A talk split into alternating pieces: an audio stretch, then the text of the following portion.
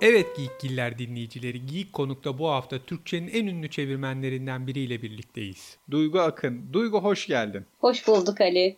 Duygu benim eski bir arkadaşım. Tanışmaktan her zaman mutlu olduğum, konuştuğumda her zaman yüzümün güldüğü ve çok fazla şey öğrendiğim bir kişi. Türkçe'ye de inanılmaz güzel yapıtlar kazandırmıştır. Ben çok fazla arkadaşımızın tercüman olmak ya da tercüme yapmak, kitap te- tercümesi yapmak istediğini biliyorum. Çok fazla da soru oluyor bu konuda. Ee, sorunlar da yaşanıyor.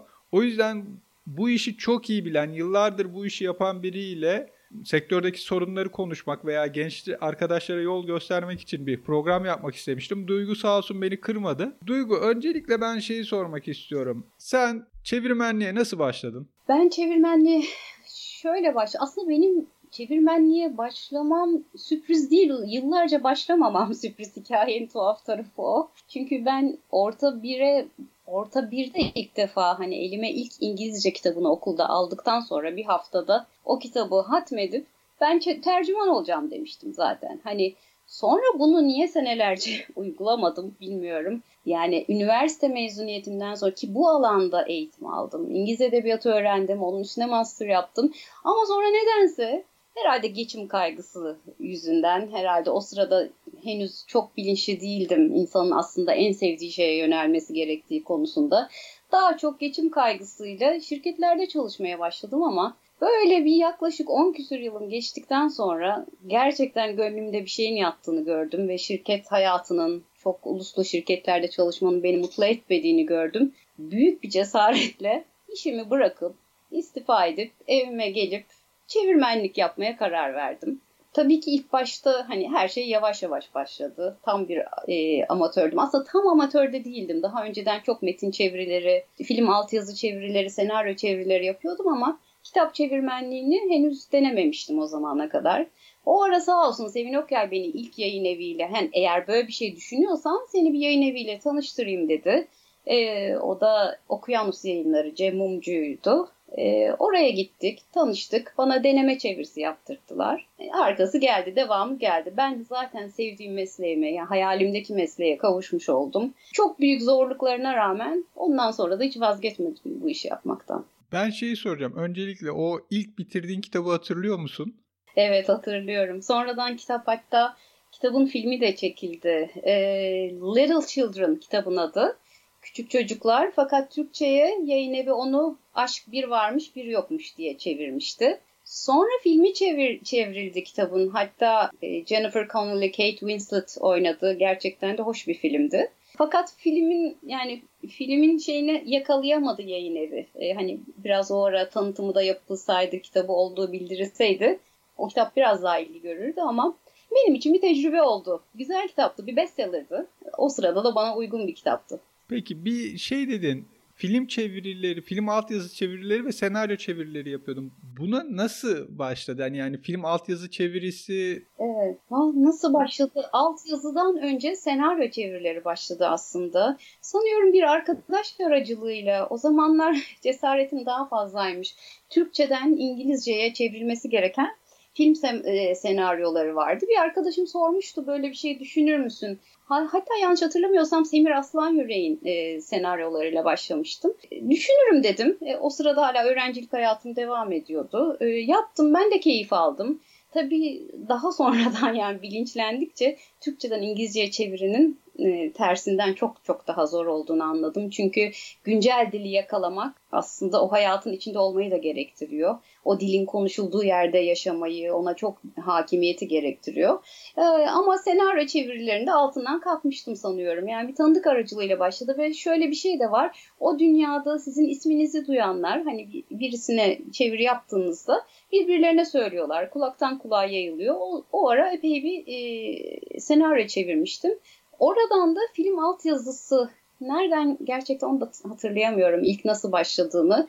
Fakat hani e, videolar gönderiliyordu eve. Onları izliyordunuz. Metin de yoktu elimde. İzleyip, duyup, anlayıp ondan sonra Türkçe'ye çeviriyorduk altyazıları. Ve bunlar çok kısa sürede olması gereken işlerdi. E, çok kısa sürede yani bir gecede o, o iki, iki buçuk saatlik filmi hem deşifre etmeniz gerekiyor hem de çevirmeniz gerekiyor. Bir de onun belli bir formatı vardı. Tıpkı senaryo çevirisinde olduğu gibi.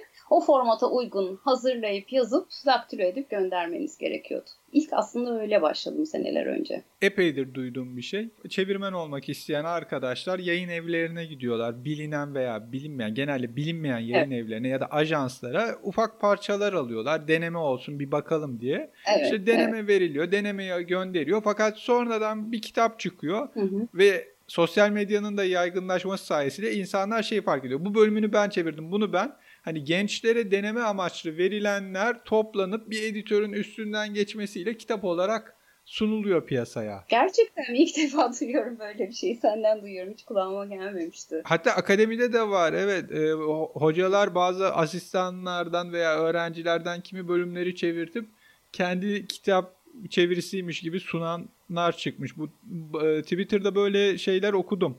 Ne kadar doğru tam bilmiyorum ama. Ne kadar doğru bilemiyorum. Şimdi Twitter'da tabii her çeşit haber dönüyor. Şimdi e, akademik dünyayı bilemem ama iyi bir yayın evinin asla yapacağı bir şey değil bu bence. Yani benim çalıştığım, şimdi düşünüyorum geçmişe dönük e, orta ya da büyük ölçekli oturmuş kurumsallaşmış hiçbir yayın evinin böyle bir şey ihtiyacı olmaz. Zaten 3 sayfa 3 sayfa çevirerek yani şöyle söyleyeyim farklı insanlara çevrilerek derlenmiş bir e, kitabın editörlüğü e, o kitabı çevirmekten daha zordur. Yani biri oturup çevirse çok çok daha kolay olur. Zaten e, amatör çevirmenler de çok yüksek ücretler talep etmedikleri için yani karlı bir işe dönüşmez o. Pek böyle bir şey yapılabileceğini aklım almıyor açıkçası çeviri dünyasında. Geçen Belki de şey çıktı. Çok... Yani Hı. aylarca parası ödenmeyen insanlar çıktı belli kurumlara e, e, evet, çevirmenlik yapıp. Doğru. Evet. Ya işte evet. benim sormak istediğim esasında şu. Orta ve büyük hani bilinen yayın evlerinde bu evet. olmaz ama işte genç arkadaşlar bu işe başlamak istediklerinde hiç deneyimleri yoksa hı hı. mecburen o bilinmeyen o evet. çok ismi evet. duyulmamışlara gidiyor. Sen onlara ne önerirsin? Bu işe nasıl başlasınlar? Bu gibi durumlara düşmemek için ne yapabilirler? Ben de tabii ilk başladığımda e, tanınmış tanınmamış çok çeşitli yayın evleriyle e, çalıştım. Kendi adıma şöyle söyleyebilirim. Ne yaptım? E, gittim, başvurdum, görüştüm. E, deneme çevirisini aldım. Deneme çevirisini beğenirlerse zaten size e, çeviri yaptıracaklarını söylüyorlar benim e, her zaman söyleyeceğim şey şudur e, çevirmen arkadaşlara. Sözleşme denilen şeyi hiçbir zaman ihmal etmesinler. E, küçük yayın evleri bazen ne gerek var canım sen çevir biz paranı yatıracağız diyorlar. Ama kesinlikle sözleşme konusuna atlamasınlar. İster dün kurulmuş bir yayın evi olsun, ister onlarca yıldır bu işi yapan bir yayın evi olsun mutlaka sözleşme yapsınlar ve sözleşmenin maddelerine de dikkat etsinler. O maddelerde çevirmen olarak haklarının iyi temsil edildiğini dikkat etsinler. Sadece çeviri için değil, şunu da genç arkadaşlara kesinlikle öneriyorum. Bir e, çevirmenliğe başladığınız ilk günden hangi prensipleri benimserseniz ve bunu da etrafınıza bu şekilde anlatırsanız ömür boyu öyle devam eder. Eğer siz ilk baştan evet bu kitabı çeviririm ama sonraki baskılardan para vermeseniz bana da olur diye başlarsanız bu ömür boyu öyle devam ediyor. Dolayısıyla söylemek istediğim şey şu ben hakikaten ilk günden bu ilkelerimi ortaya koydum ve dedim ki sözleşme istiyorum. Sözleşmede haklarıma e, dikkat ediyorum ve sonraki baskılardan da e, telif ödenmesini önemsiyorum. Bunu kabul etmeyen yayın evleriyle çalışmama lüksüm benim de yoktu ilk başladığımda. Çünkü benim de durumum çok zordu. Fakat e, gerçekten uzun süre aç kalmayı bile göze alıp en azından bu ilkeleri korudum ve o sayede artık herkes bir süre sonra zaten herkes sizin hangi şartlarda çalışıp çalışmayacağınızı biliyor. Eğer siz titiz çalışmanızla karşı tarafa siz de memnun ediyorsanız onlar da zaten sizi kaçırmak istemiyorlar. Dolayısıyla e, haklarını sözleşmeye dökmeyi hiçbir zaman ihmal etmesinler diyorum. Şimdi ofissiz çalışanlardan biri olarak evet. evinde sürekli çeviri yapıyorsun. evet. Bir kitabı çevirmek ne kadar süre alıyor? Ya Ali o e, gerçekten kitap kitabın e, kendisine çok bağlı. Çünkü benim bir haftada çevirdiğim kitap da olmuştur. Çocuk kitaplarından bahsediyorum. Ama 6 ayda 7 ayda çevirdiğim kitap da oldu. Yani neye bağlı bu? Şimdi birincisi e mesela ben bilim kitapları, çocuk kitapları ve klasik eserler ve modern e, edebiyat çeviriyorum. Şimdi bir bir çocuk kitabının çevirisi e, maksimum bir hafta 10 günümü alıyor eğer çok uzun bir kitap değilse. Genç yetişkin kitabının çevirisi bir ayımı alıyor eğer çok kalın bir kitap değilse. Bilim kitapları çevirirken o tamamen kitabına bağlı. Mesela NTV yayınlarına şifreler kitabını çevirdim. Şimdi bir konuyu çevirmeniz için öncelikle konuya hakim olmanız gerekiyor. Benim önce oturup şifreler konusunu öğrenmem gerekti. Orada anlatılan şeyleri anlamazsam doğru çevirmeme imkan yok.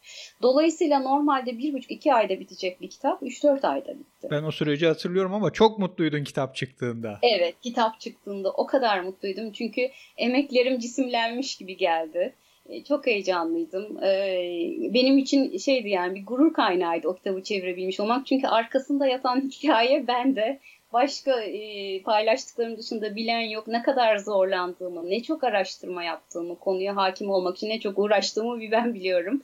Onu basılmış görmek hakikaten e, büyük bir mutluluktu benim için. Evet.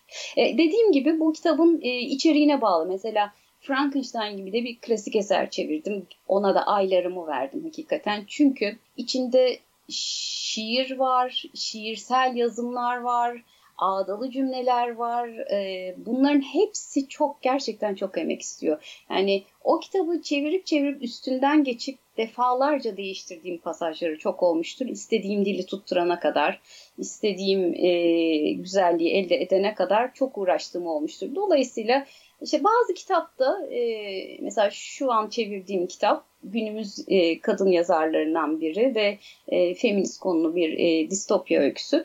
Şimdi mesela bu çok akıcı bir dili var. E, zorlayıcı bir şey yok. Araştırma gerektiren çok fazla şey yok. Sadece e, gündelik dille yazılmış akıcı öyküler. Mesela şu an onu çok kolay çeviriyorum dediğim kitaba bağlı evet. Ama şöyle de bir şey var. Şimdi eğer bir kitap senin 4-5 ayını alıyorsa evet. bu o 4-5 ay sana bir para veya bir yerden bir Hiçbir ödeme... Hiçbir şey kazanmıyorsunuz demektir 4-5 ay boyunca. Çevirmenliğin en zor tarafı o. En zor tarafı o. Evet çok gerçekten öyle. Çünkü e, bir çevirmen için tabii ki kitabını ne kadar kısa sürede bitirirse çevirmem için çok e, o kadar büyük avantaj.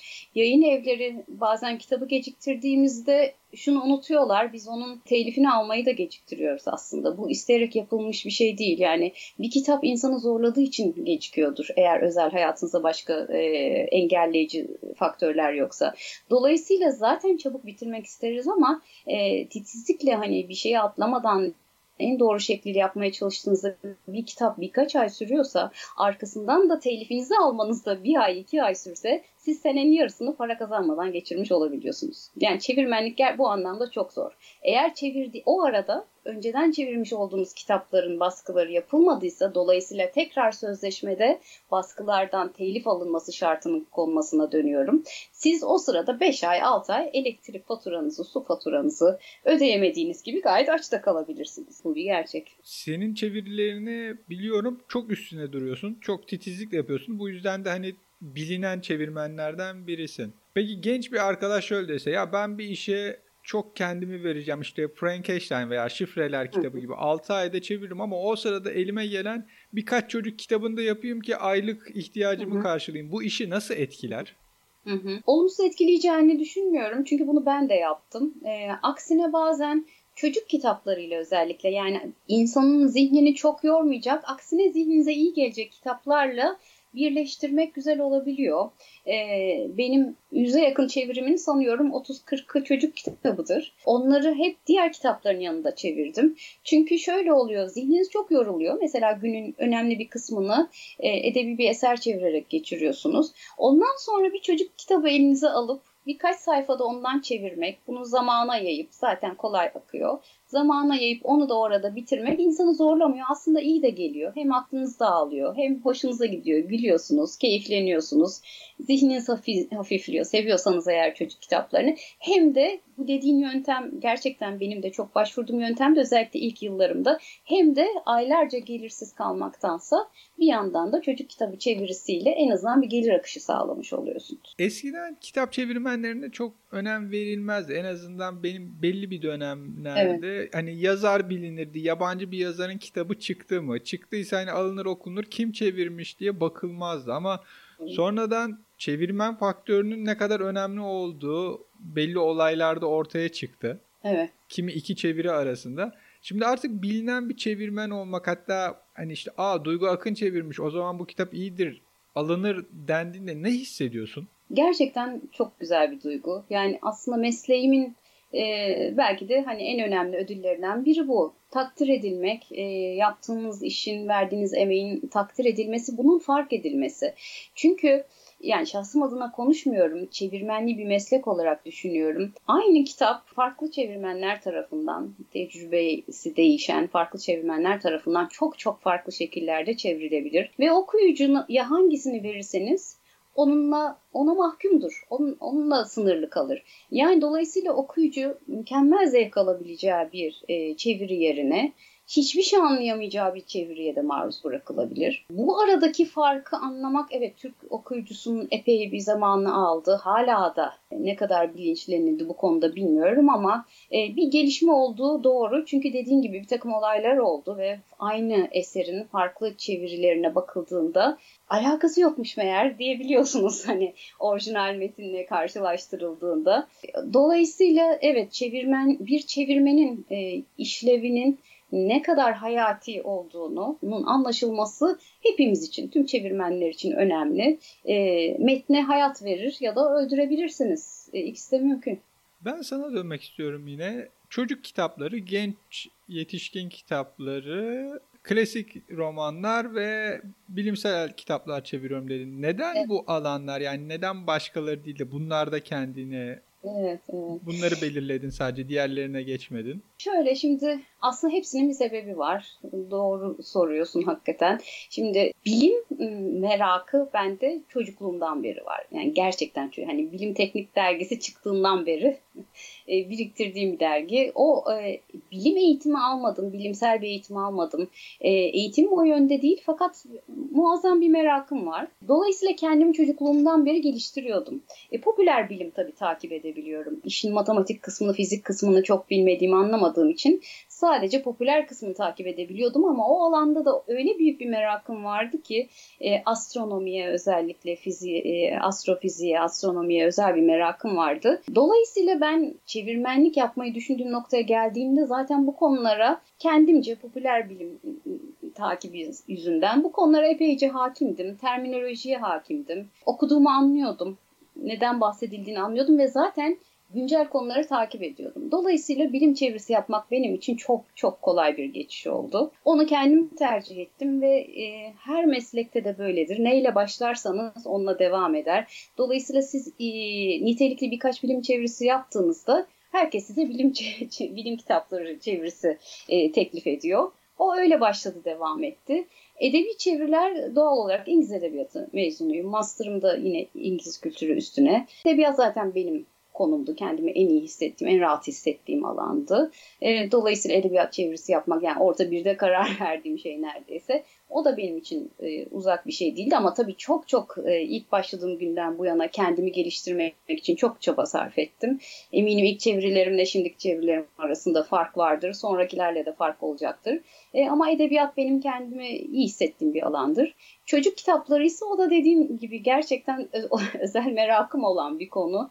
E, hikayeler, maya o benim çocuksu tarafım. Masallar, hikayeler, çocuk filmleri hala oturur seyrederim, hala okurum. Dolayısıyla aslında o üçü de, o üç alanda benim kişiliğimle alakalı alanlar. O yüzden galiba o alanlarda çeviriler yaptım. Peki şifreler kitabının senin için önemli biliyorum ama onun dışında çevirdiğin ve iyi ki bu kitabı çevirmişim, bu kitabı çevirdiğim için çok mutluyum dediğin öyle çevirilerin arasında kütüphanende duran bir kitap var mı? Çok var aslında. Birden fazla var. Şimdi bakıyorum bir yandan da düşünüyorum. Sempatizan var. Vietnam kökenli Amerikalı yazarın Kafka yayınlarına çevirdiğim Sempatizan adlı kitabı. Gerçekten kitap belki gözden kaçtı. Bu kitap çok üstünde durulmadı ama ileride bu kitaba dönülecektir diye düşünüyorum. Çünkü yazar çok başarılı, çok güçlü, çok zengin dünyası olan entelektüel muazzam bir yazar. Sempatizanı çevirdiğim için çok mutluyum. Tavan arasındaki bu da, bu da var. E, Domingo yayınlarına çevirdiğim. E, çok özgün bir dille yazılmış. Çoğul dille, koro diliyle e, yazılmış. Amerika'ya gelen Japon kadınların hikayesini anlatan çok etkileyici, sarsıcı, şiirsel bir kitaptır. Onu çevirdiğim için çok mutluyum. Başka düşünüyorum. Tabii klasik eserlerden Dr. Jekyll Mr. Hyde can yayınlarına çevirdiğim dört öykü içeren bir kitap bu. E, sadece bu, bu öykü değil. Onu çevirdiğim için çok mutluyum. E, onun benim için özel bir yeri de var hatta. Gizli döneminde e, Okan Bayülgen'in eline alıp okuduğu bir kitaptır o. Ondan sonra da daha çok sevildi ve yayıldı. Klasik eser çevirmeyi seviyorum zaten. O da onlardan biri. Gotik yazar Anne Radcliffe'in e, Sicilya'da bir aşk hikayesi. Onu da çevirdiğime çok memnunum. Yine can yayınlarından. E, gotik yazar çevirmeyi seviyorum. Frankenstein e, da yine bu alana giriyor. Gotik edebiyatı seviyorum. Ben sevdikçe de zaten onun teklifleri geliyor bana o alandan. Bunları seviyorum. Evet yani bilim kitapları içinde de evren avucumuzda gerçekten insanlara astronomiyi çok bir masal gibi keyifle anlatan bir kitap. Onu da Domingo yayınlarını onu da çevirdiğim için çok memnunum. Daha da vardır ama şu an aklıma bunlar geldi. Anladım. Çevirmek istediğim bir roman var mı? Yani bir yayın evi şunun telif hakkını alsa ve bana da çevir dese ne kadar mutlu olurum dediğim bir kitap var mı? Ya aslında Ali şimdiye kadar bana kimse e, bilim kurgu kitabı teklif etmedi. Bilim kurgu eserlerini. Aslında benim hayatta en çok okuduğum genre odur. Ama şimdiye kadar işte dediğim gibi nereden başlarsanız oradan devam eder. Ben de bilim kurgu çeviren yayın evleriyle çok çalışmadım şimdiye kadar. Teklifi de gelmedi. Ama mesela David Gerald çok sevdiğim bir yazardır. Onun kitaplarını çevirmeyi isterdim. Ee, ama şunu da düşünüyorum bir yandan. O, o uzun kitaplara bir ömür atfetmek ister. Onun bir Ktor serisi vardır. Herhalde yıllarımı alırdı. Ama e, ne kadar mutlu olurdum kim bilir çevirdikten sonra. Çünkü hayatıma damga vurmuş bilim kurgu eserlerden biridir. Dolayısıyla biraz daha bilim kurgu çevirmek isterdim açıkçası. Peki son olarak bir de şey soracağım. Hı. Şu an bir çok sözü edilmeyen ekonomik kriz var ama yayın evlerinin de zorlandığını biliyorum. Kendi yayın evimden biliyorum kağıt alım işleri zor, dağıtım, evet. satış. Bu kitabı vuran kısmı çevirmenleri nasıl etkiliyor? Ali çok net bir şekilde etkilediğini sana söyleyebilirim. Çünkü daha dün düşünüyordum aslında şöyle bir şey var ben 14 yıldır çevirmenlik yapıyorum. Bir şeyi fark ettim. İlk defa bu şimdi huzursuzluk var üstümde. Neler oluyor? Niye böyle huzursuzum epey bir zamandır diye düşünüyorum.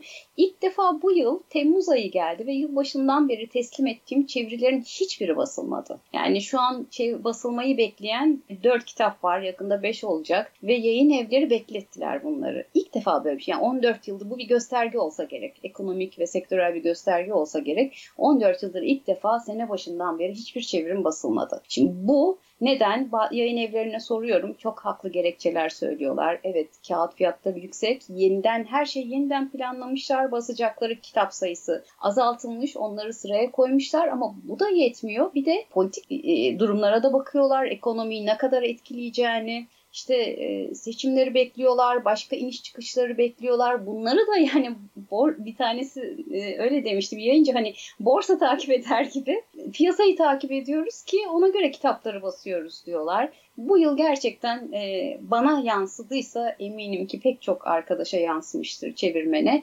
Yayın evleri kitap sayısını azalttı. Bu da bizleri çok doğrudan etkiledi. Çok teşekkür ederim Duygu programımıza katıldığın için. Rica ederim. Ben teşekkür ederim Ali. Çok sağ ol bu fırsatı verdiğin için.